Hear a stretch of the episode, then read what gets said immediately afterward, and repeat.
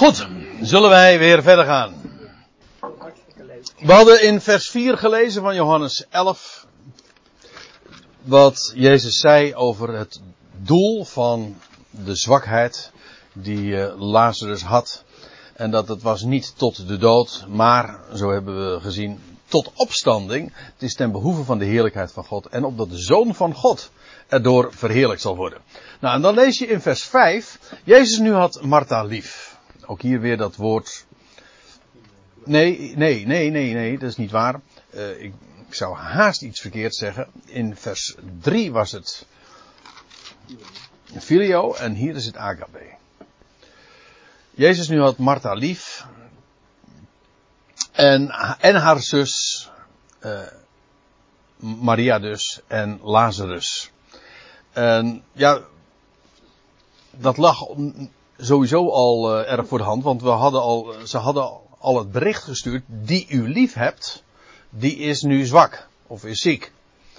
De, waarom dit er dan nog aan toegevoegd wordt, uh, dat lijkt een beetje overcompleet. Maar waarschijnlijk is dat ook omdat deze mededeling ook Jezus handelen verklaart. Het is namelijk, Jezus ging nu niet direct, nu hij deze mededeling had gekregen van, uh, vanuit, vanuit Betanië, dat Lazarus zwak was. Hij ging niet direct terug.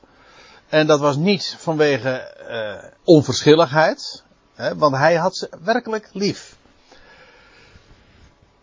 het moet een andere reden gehad hebben. En dat was, in de, nou, dat was de reden die in vers 4 uh, werd opgegeven. Namelijk, het is tot heerlijkheid van God. En opdat de Zoon van God erdoor uh, verheerlijkt wordt, zijn heerlijkheid daardoor zou worden uitgelicht. En niet vanwege het, uh, de onverschillige, een onverschillige houding ten opzichte van Lazarus of de, de beide dames. En dan staat er in vers 6, als hij dan hoorde dat hij zwak was, inderdaad, toen bleef hij nog twee dagen in de plaats waar hij was. En weer die twee dagen. Maar let ook even trouwens op, in de plaats waar hij was, dat was dus in Bethanië in het overjordaanse. Dus, hè, buiten het land. Hij was dus thuis. Ik even ervan uitgaand nu uh, Bethanië, namelijk de plaats waar hij thuis was. Aan de andere kant, nu zou hij weer teruggaan, uh, maar naar een ander Bethanië. Maar in beide plaatsen, eh, beide plaatsen heet het Bethanië. En dat is iets waar je eigenlijk ook over struikelt.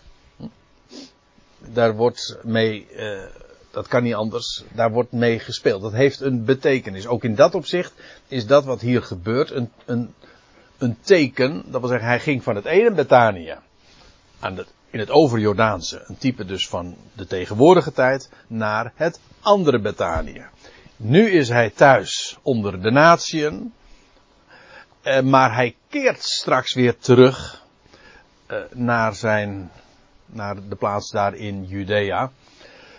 En, dat zal zijn na twee dagen, want daar wil ik dus ook even op wijzen. Het is na twee dagen. Hij blijft nog twee dagen. Wat is dat? Je, dat is nou echt vreemd. Dan zou je dus inderdaad de gedachte hebben van, doet het hem niet zoveel? Had hij uh, Lazarus uh, niet echt lief? Of uh, die zusters die dit bericht nu in paniek zeg maar sturen? Hij blijft nog twee dagen. Terwijl hij zoveel affectie had met, met deze mensen en met Lazarus. Maar hij blijft nog twee dagen. En ook dat is een teken. Die twee dagen. Nou, we hebben, ik, eerder vanavond wees ik er al even op, toen ik dat, uh, die opsomming gaf van de zeven tekenen. De bruiloft te Cana was op de derde dag. Dus ook na twee dagen. Hij was twee dagen in Samaria waar hij ook geen tekenen deed. Maar nu nog iets. Want het is een begrip uit de profetieën. Bij de profeet Hosea. Ik ga eventjes naar Hosea 6, daar neem ik u mee naartoe. Daar staat dit. Het wordt gezegd over Israël. Dit zijn woorden die Israël in de mond zal nemen. Dit is een, een geweldige profetie. Komt, zegt Israël dan, laat ons wederkeren, terugkeren tot Yahweh, want Hij heeft verscheurd. Hij zal ons helen. Hij heeft geslagen. Hij zal ons verbinden. Hij doet het een, hij doet het ander ook. Maar Israël keert hier weer terug. Dit is de terugkeer van Israël. En dan de geestelijke terugkeer. Natuurlijk, dat heeft ook alles te maken met het feit dat ze zullen terugkeren naar het land. Maar ze keren terug tot hun God. En nou staat er in vers 2. Hij zal ons na twee dagen doen herleven. Ten derde dagen zal hij ons oprichten. En wij zullen leven voor zijn aangezicht. Nou, die twee dagen, eh, dat kan niet missen. Die worden, in, die worden hier heel cryptisch eh, benoemd. Maar als Petrus het dan heeft over de vraag van ja, wat is dan voor de Heer uh, een, een dag en dus ook wat zijn twee dagen, dan zegt hij nou, dit ene mag u niet ontgaan, geliefde, dat voor de Heer één dag is als duizend jaar. En hij keert het gewoon ook om. Uh, in feite herhaalt hij het en duizend jaar is één dag. Dat is trouwens ook een woord wat je al in Psalm 90 vindt. Dat duizend jaar is als de dag van gisteren. Ook daar weer diezelfde, uh, diezelfde associatie. Zodat hier gezegd wordt dat Israël zal zich bekeren tot haar God. Na verscheurd te zijn, na geslagen te zijn. Maar dan zullen ze worden, door hem worden geheeld. Zullen ze door hem worden verbonden. Sterker nog, ze zullen herleven. Ze zullen opstaan uit de dood. En het bijzondere van deze profetie is niet alleen maar dat hier het herstel van Israël wordt beschreven. Ook de, hun bekering. Ook wat God aan hen zal doen. Maar ook de termijn. De tijd wordt hier aangeduid. Er wordt gezegd, het zal zijn ten derde dagen. Of en dat vind ik nu vooral interessant, het zal zijn na twee dagen. Hij zal ons na twee dagen doen herleven. Het kan toch niet missen. Dat als je schrift met schrift vergelijkt. En je leest dan in Johannes 11 dat Lazarus ziek is. En hij krijgt, Jezus krijgt het bericht vanuit het buitenland. Hè, vanuit het over Jordaanse. Om terug te keren naar Judea dat hij dat niet doet. Hij wacht twee dagen. Om na die twee dagen alsnog inderdaad uh, daar naartoe te gaan. Heeft alles te maken met het herstel van Israël. Twee dagen dood en op de derde dag zullen ze herleven. Wat met de Heer Jezus trouwens ook gebeurd is, in, de, in, in een hele concrete zin, in die zin, dan niet symbolisch of figuurlijk typologisch. Jezus heeft letterlijk, is op de derde dag opgestaan uit de doden. Op een of andere manier, opstanding uit de doden heeft altijd, houdt verband met de derde dag. Maar hier gaat het, daar gaat het even om. Hier gaat het om de, uh, de, het herstel van Israël. Dat wordt beschreven als een opstanding uit de dood na twee dagen. Let trouwens even op, er staat nog een vers na. Uh, er komt nog een vers uh, die daar, uh, uh, die dat nog nader uitlegt. Ja, wij willen Yahweh kennen, dat zal Israël dan zeggen, er naar jagen hem te kennen. Zo zeker als de dageraad, u weet, de dageraad dat is de zonsopgang. Zo zeker als de dageraad is zijn opgang. Dan komt hij tot ons, als de regen, als de late regen die het land besproeit. Deze profetie over Israëls herstel is zo bijzonder, omdat het aangeeft wanneer dat herstel zal plaatsvinden. Oké, het staat er cryptisch, het staat er verborgen, maar dus de vraag is dan eigenlijk, ja, wat is voor de Heer één dag? Want dat het hier niet gaat over dagen van 24 uur of van 12 uur, uh, dat is duidelijk. Maar wat dagen dan wel? Nou, dat moet je dan elders hè, schrift met schrift vergelijken en dan is het getuigenis van de schrift onmiskenbaar voor de Heer is één dag als duizend jaar. En dat betekent dus dat Israëls herstel zal plaatsvinden na 2000 jaar, na twee millennia. En dan zal Israël wederkeren, dan zal Israël worden geheeld, dan zal Israël worden verbonden, dan zal Israël herleven, dan zal eh, eh, God Israël oprichten. Ze zullen leven voor zijn aangezicht. En dan zullen ze de Yahweh, hun God, ook kennen. En, en naar jagen hem te kennen. En, daar staat er nog iets bij. Als de zonsopgang, een nieuwe dag dus, de derde dag. Als de zonsopgang, eh, als de dageraad is zijn opgang. Met andere woorden, bij het begin van de derde dag.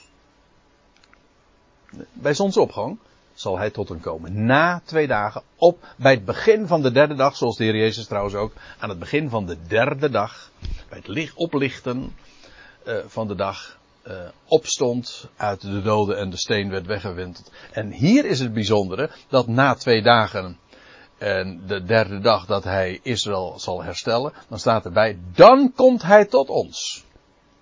Dus als je nou de vraag stelt, wat zegt de schrift over het tijdstip van is de, de komst van de Heer tot zijn volk? Wanneer zal hij Israël herstellen?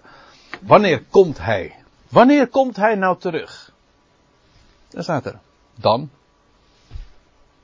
Namelijk na twee dagen. Oftewel op de derde dag. Oftewel bij de dageraad, bij zonsopgang.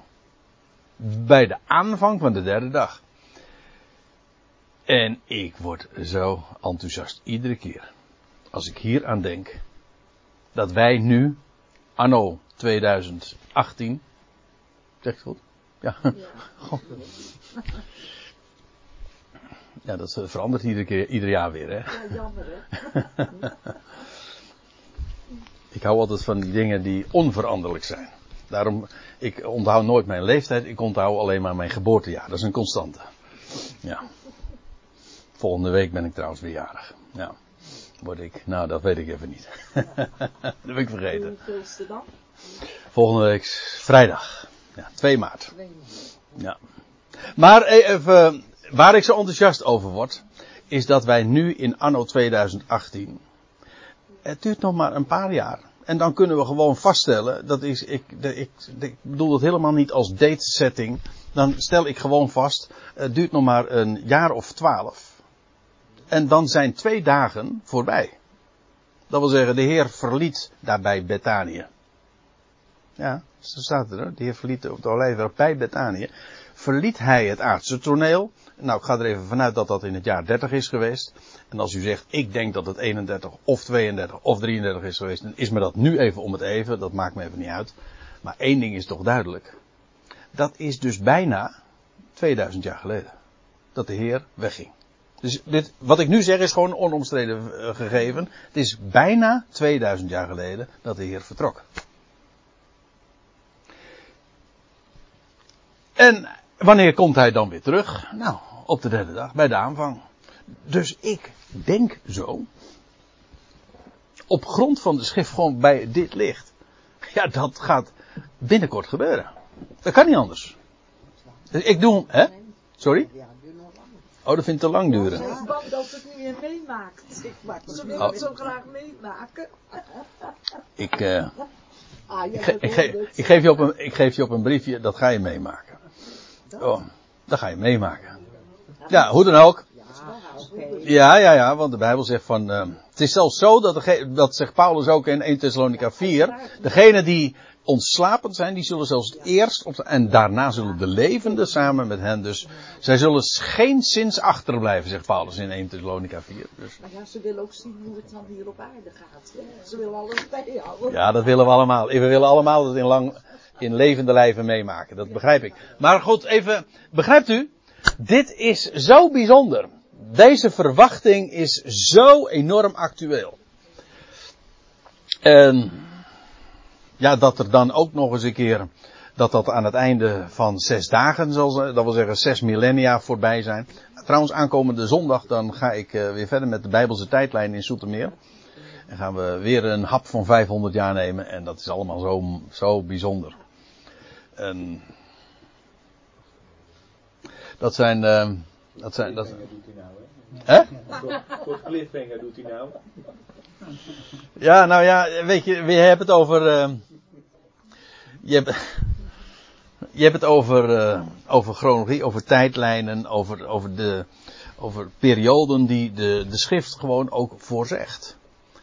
En deze profetie is, eh, is, eh, is, is heel bijzonder. Hier wordt het heel concreet gezegd. En dat je dan vervolgens, en nou ga ik weer even. eh, eh, terug naar Johannes 11. De Heer Jezus hoort dat. Hij is in het over Jordaanse, daar in Betanië. En hij hoort, Lazarus is ziek. Ernstig ziek. En hij komt niet. Nee, hij wacht nog twee dagen. En dan gaat hij na die, want dat staat er dan vervolgens. Vervolgens, daarna zei hij tot de leerlingen, laten we weer naar Judea gaan. Nou, kijk. Na die twee dagen, na twee millennia, keert hij weer terug naar Judea, het Joodse land. Dat is precies wat, uh, wat er gebeurt. Dus zijn verblijf in het overjordaanse spreekt van de huidige tijd, na zijn verwerping in Jeruzalem. En vervolgens zal hij na twee dagen terugkeren. Waarom? Wel om Lazarus uh, te herstellen en op, nou ja, op te richten en te doen opstaan uit de doden. En dan zegt hij daarna, uh, na die twee dagen dus, keert hij weer naar Judea. Precies zoals je dat dus ook las van de Heer Jezus die in Samaria was. Hij bleef daar twee dagen. En dan lees je, dat heb ik nog helemaal vergeten uh, te vermelden. Maar kom, lees nou eventjes terug. Blader even, ik heb er geen diaatje van, maar er staat er in Johannes. Uh, wat nou? Oh ja, natuurlijk, Johannes 4. Ja, in vers 43. Johannes 4, vers 43. In Samaria hadden ze nog enthousiast gezegd. Wij geloven niet meer, zeggen ze tegen die, die Samaritaanse vrouw. Wij geloven niet meer om wat jij zegt. Maar wij zelf, wij zelf hebben hem gehoord en weten dat deze waarlijk de redder der wereld is. En na die twee dagen vertrok hij vandaar naar Galilea.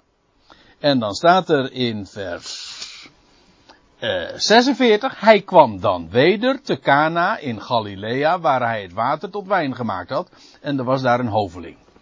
En die geneest hij dan. Uh, dat was in Cana dus, hè? En dan wordt er gezegd van, ja, dat was, uh, dat is diezelfde plaats waar eerder water in wijn was veranderd. Maar dat was ook op een derde dag. En hier ook weer, op de derde dag, na twee dagen. Je struikelt erover. Dit zijn dingen die, ja, die er nou ja, als u zegt ze liggen verborgen in de tekst, dan zeg ik jawel. Maar als je schrift met schrift vergelijkt, dan, dan, dan dringt dit zo duidelijk zich aan je op. En, en juist ook omdat het typologisch zo uh, allemaal parallel met elkaar loopt. Het verblijf in Samaria en de terugkeer vervolgens op de derde dag daarin naar Cana. Dat loopt parallel met de twee dagen dat hij daar nog blijft in, in Bethanië in het Overjordaans. En dan keert hij terug naar Judea. Waarom? Waarom blijft de Heer Jezus nog twee dagen? Dus, nou zou je kunnen zeggen van ja, maar hij wachtte tot Jezus, dat uh, Lazarus gestorven was. Maar dat was het helemaal niet. Want als hij namelijk in uh, Bethanië terugkeert, hè, dan, was die al, dan blijkt hij al vier dagen eerder begraven te zijn. Dus in die zin had hij niet twee dagen nog hoeven wachten. Begrijp je wat ik bedoel? Dus dat moet een diepere betekenis hebben. En die heeft het ook. Of dat heeft het ook. Na die twee dagen keert hij terug naar Judea.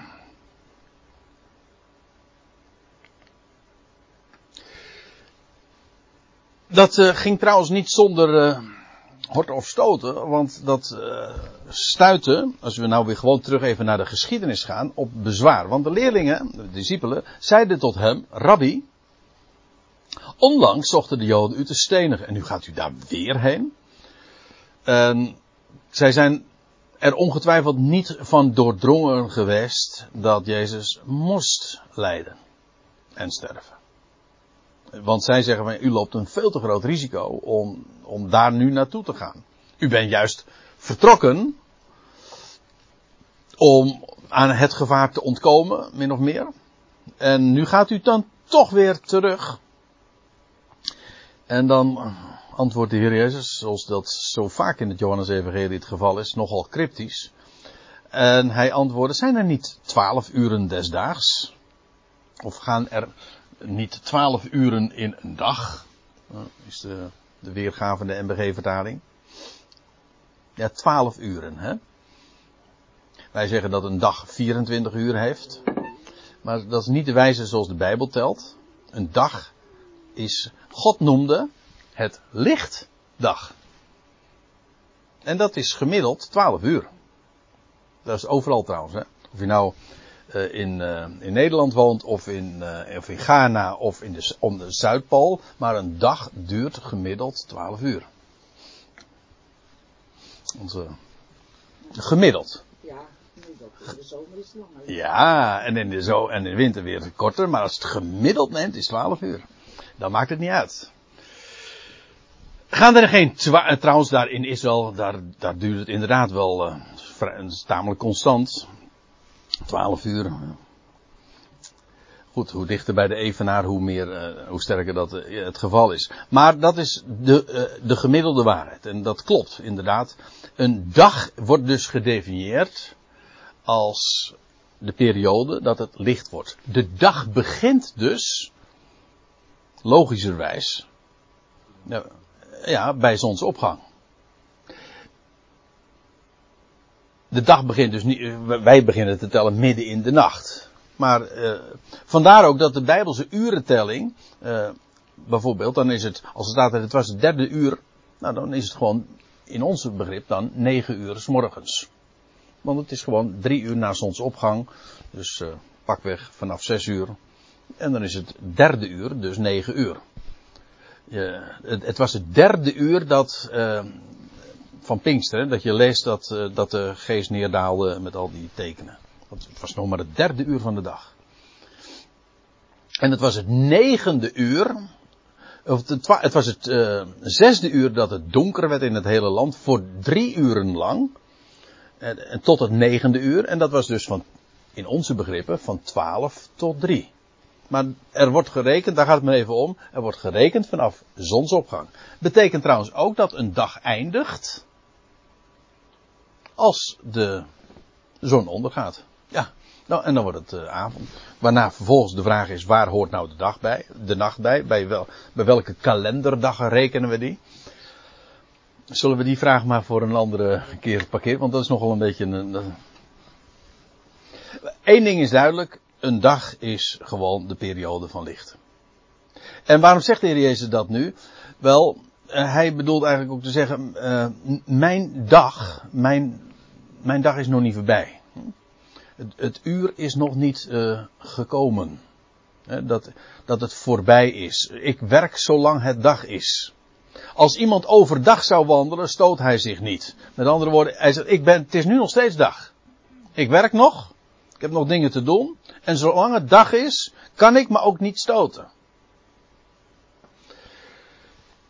Dan staat erbij, omdat hij het licht van deze wereld observeert. In die zin, als, je, als, je, als het overdag is, dan, uh, ja, dan hoef je je niet te stoten. Waarom? Omdat, je, omdat het licht gewoon uh, je weg en je gang be, beschijnt en bestraalt. En mij kan, hij, hij, wat hij ook zegt, zolang ik nog wat te doen heb, kan mij niks gebeuren. Ik ga, kijk, de vraag is, waarom gaat u nou weer terug naar Judea? Nou, die zegt van, ze gaan tot 12 uur in de dag. Het is nog steeds dag hoor, ik moet werken. Ik heb dingen te doen. En er, er kan, er, ik kan me ook niet stoten. Want de Heer heeft gewoon nog wat uh, voor mij te doen. Ik moet, uh, het, doet mij denken aan een uitspraak die ik never nooit zal vergeten die uh, Theo Dikkers ooit, die vaak tegen mij zei, een evangelist in, in Amerika, moet je mij horen. Nee, dat was een andere evangelist. In, uh, in Leiden. En die zei altijd, die, hij mankeerde van alles. En die zei altijd heel laconiek, zolang de Heer nog wat voor mij te doen heeft, ben ik onsterfelijk. ja, ja, zo, zo laconiek stond hij echt ook in het leven, zo... Dat is mooi. En wat de, wat de Heer trouwens hier ook zegt, ik, hij ontweek het gevaar niet. Hij zegt, ik moet nu naar Judea en mij kan helemaal niks overkomen. Hij zegt, want uh, het, het is nog steeds de dag. Ik heb nog wat te doen. En mijn uur is nog niet gekomen. Als iemand in de nacht zou wandelen, ja, dan stoot hij zich omdat het licht niet in hem is. Dit is trouwens een woord wat we als je het misschien nog herinnert, in Johannes 4 ook zoiets tegenkwamen. Dat was in verband met die blindgeborene. Daar lees je deze tekst. Dat de Heer Jezus zegt, wij moeten werken, de werken van degene die mij zendt. Terwijl het dag is. een nacht komt waarin niemand kan werken. Hij zegt, en zolang ik in de wereld ben, dat krijg ik nog even bij moeten zetten. Er staat achter, zolang ik in de wereld ben, ben ik het licht der wereld. Dat wil zeggen, dan is het dag. En kan ik dat dus gewoon allemaal doen. En deze dingen zei hij, en daarna zei hij tegen hen, lees verder in Johannes 11 vers 11. Daarna zei hij tegen hen, Lazarus, de vriend van ons, de vriend van ons, hey. Dus hij betrekt ook de discipelen daarbij. Ook die kwamen daar in, in, in huis. Vandaar dat Martha toen ook zo druk dienende was, want die kregen ineens een koppel van een man, man of dertien op bezoek. En dan uh, allemaal speculaties uitdelen en bakken, weet je wel, Ina. Heeft het hartstikke druk mee. dus ja, ook uh, voor hen was het een, een bekende. Daarna zei hij tegen Lazarus, de vriend van ons, is te rusten gelegd. In de MBG-vertaling staat ingeslapen. Letterlijk is het inderdaad te rusten gelegd, maar de betekenis is inderdaad die van uh, hij is ingeslapen. Dat blijkt uit het vervolg. Ja, en dat idee van als je sterft dat je eigenlijk gaat slapen, dat is een hele bekende bijbelse metafoor. Hè? Een vergelijking met de, met de slaap. Uh, dat wil zeggen, de doodstoestand wordt vergeleken met de, met de slaap, ja. En waarom? Nou, om twee redenen. Ik vind het een prachtig beeld. De, iemand die uh, sterft, die slaapt. En waarom? Wel, het is tijdelijk. Hij gaat weer ontwaken. Op het moment dat de wekker gaat, of de stem zal klinken, of de bezuin zal klinken, dan is het daar het ontwaken. Dat overkomt je. Je wordt gewekt. Ik heb juist gisteren nog een stukje erover geschreven. Eh, mensen, even, te, even terzijde. Uh, mensen uh, gooien dat heel gemakkelijk door elkaar. En ik zeg ook niet dat het een wereld van verschil is. Maar het begrip op, opwekking is wat anders dan opstaan. Opwekken is wat er gebeurt wanneer je ontwaakt. Dan word je gewekt. Dat overkomt je.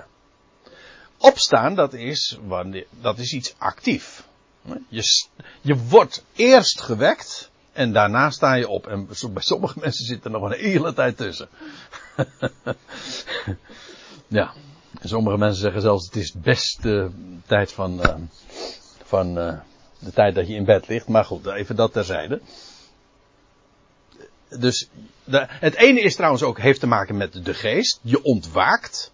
Het andere is iets van het lichaam. Dus, dus het is niet helemaal hetzelfde. Maar even terug naar die metafoor van de slaap. Waarom? Waarom wordt de doodstoestand vergeleken met de slaap? En dat is tijdelijk. Dat wil zeggen, je ontwaakt weer. Maar om nog een reden, men is zich van niks bewust. Men slaapt gewoon. En daarom um, is die, die vergelijking ook zo enorm ter zake.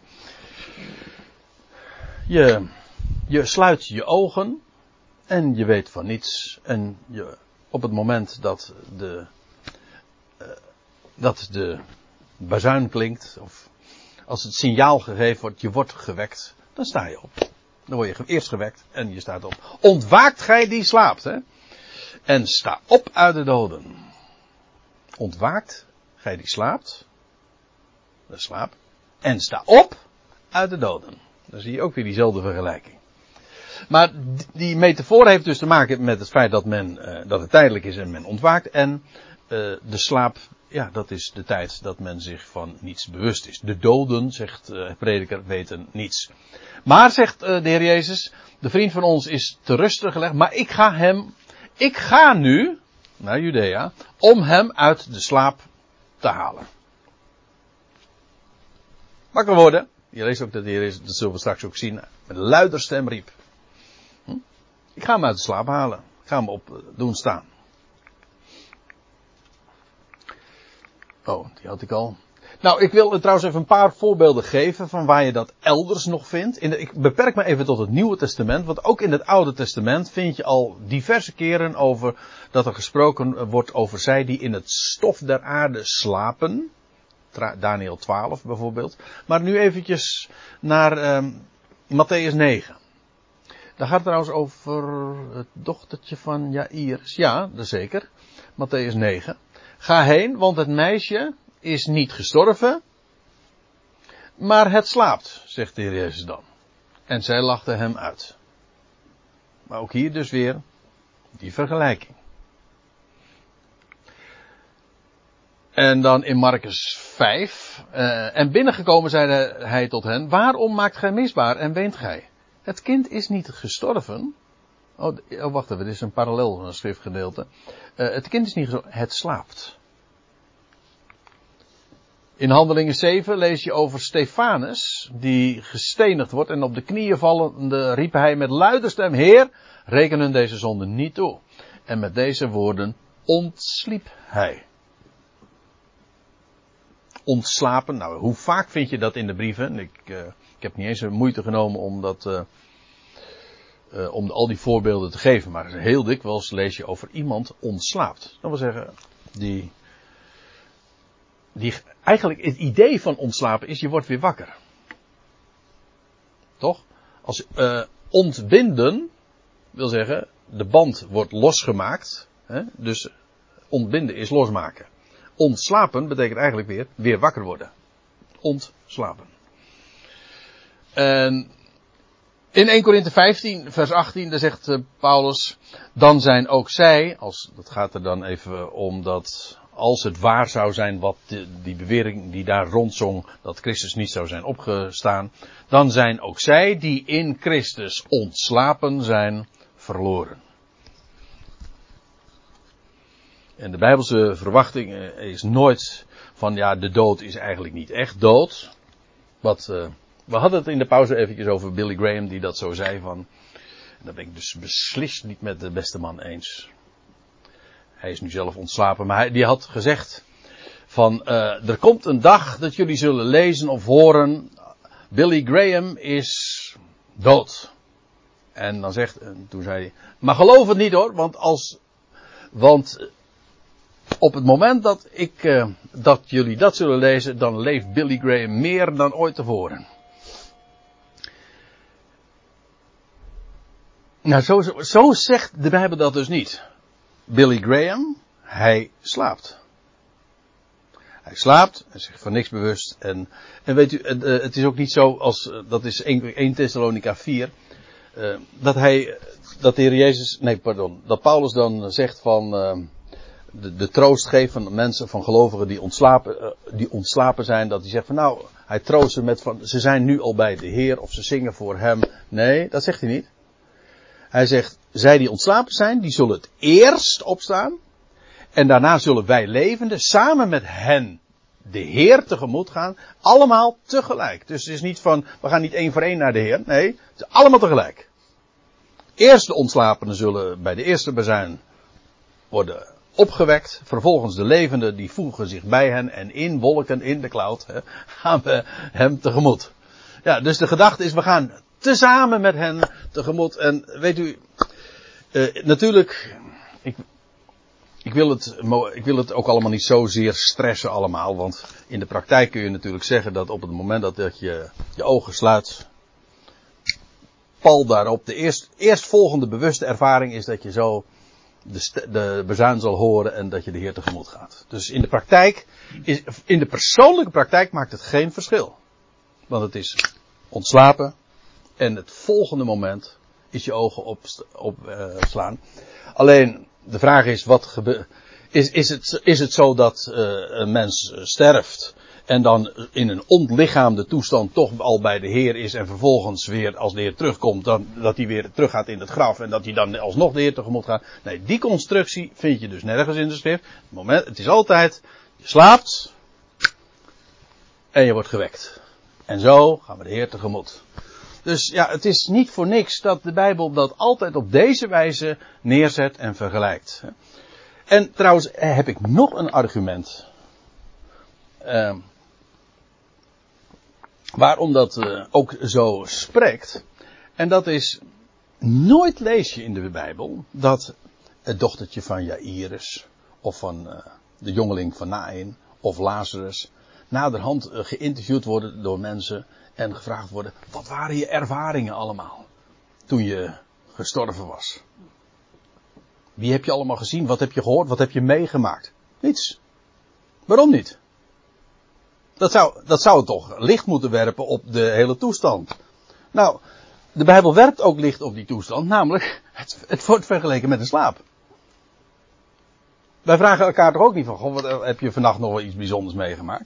Mijn, vader die zei altijd, nou ja, oké, dan kun je zeggen dromen. Mijn, mijn, mijn moeder vroeg altijd aan mijn vader, uh, het was stevast, uh, s morgens, ik heb zo vaak dat antwoord gehoord, dat ze vroeg, heb je lekker geslapen? Dat mijn vader altijd zei van, ik, geen idee, uh, ik heb geen idee of ik lekker geslapen heb. Met andere woorden, ik was me van niets bewust. Ik sliep en ik ontwaakte. That's it. En zo vergelijk, uh, die vergelijking maakt, uh, maakt de schrift daarmee. Maar bij die laatste slaap is je bewustzijn natuurlijk ook weg. Sorry? De? Je bewustzijn is dan ook weg. Ja. Als ik dood ben. We hebben Ja. nu nog bewustzijn. Ja, maar je slaapt Dat is niet. een andere slaap. Ja, Je onderbewustzijn. ah, bedoel je het zo? Ja. Nee, het gaat, het gaat erom, het gaat erom, denk ik, dat je, je bent je als, je- als je slaapt van niets bewust. Hè? Je bent je onbewust. Nee, Eh, er-. Ja, oké, ik geef toe. Ik geef toe, als je, als je slaapt, dan, eh, dan ben je niet dood, dat is waar. Maar omgekeerd, als je dood bent, dan vergelijkt de Bijbel dat wel met slaap.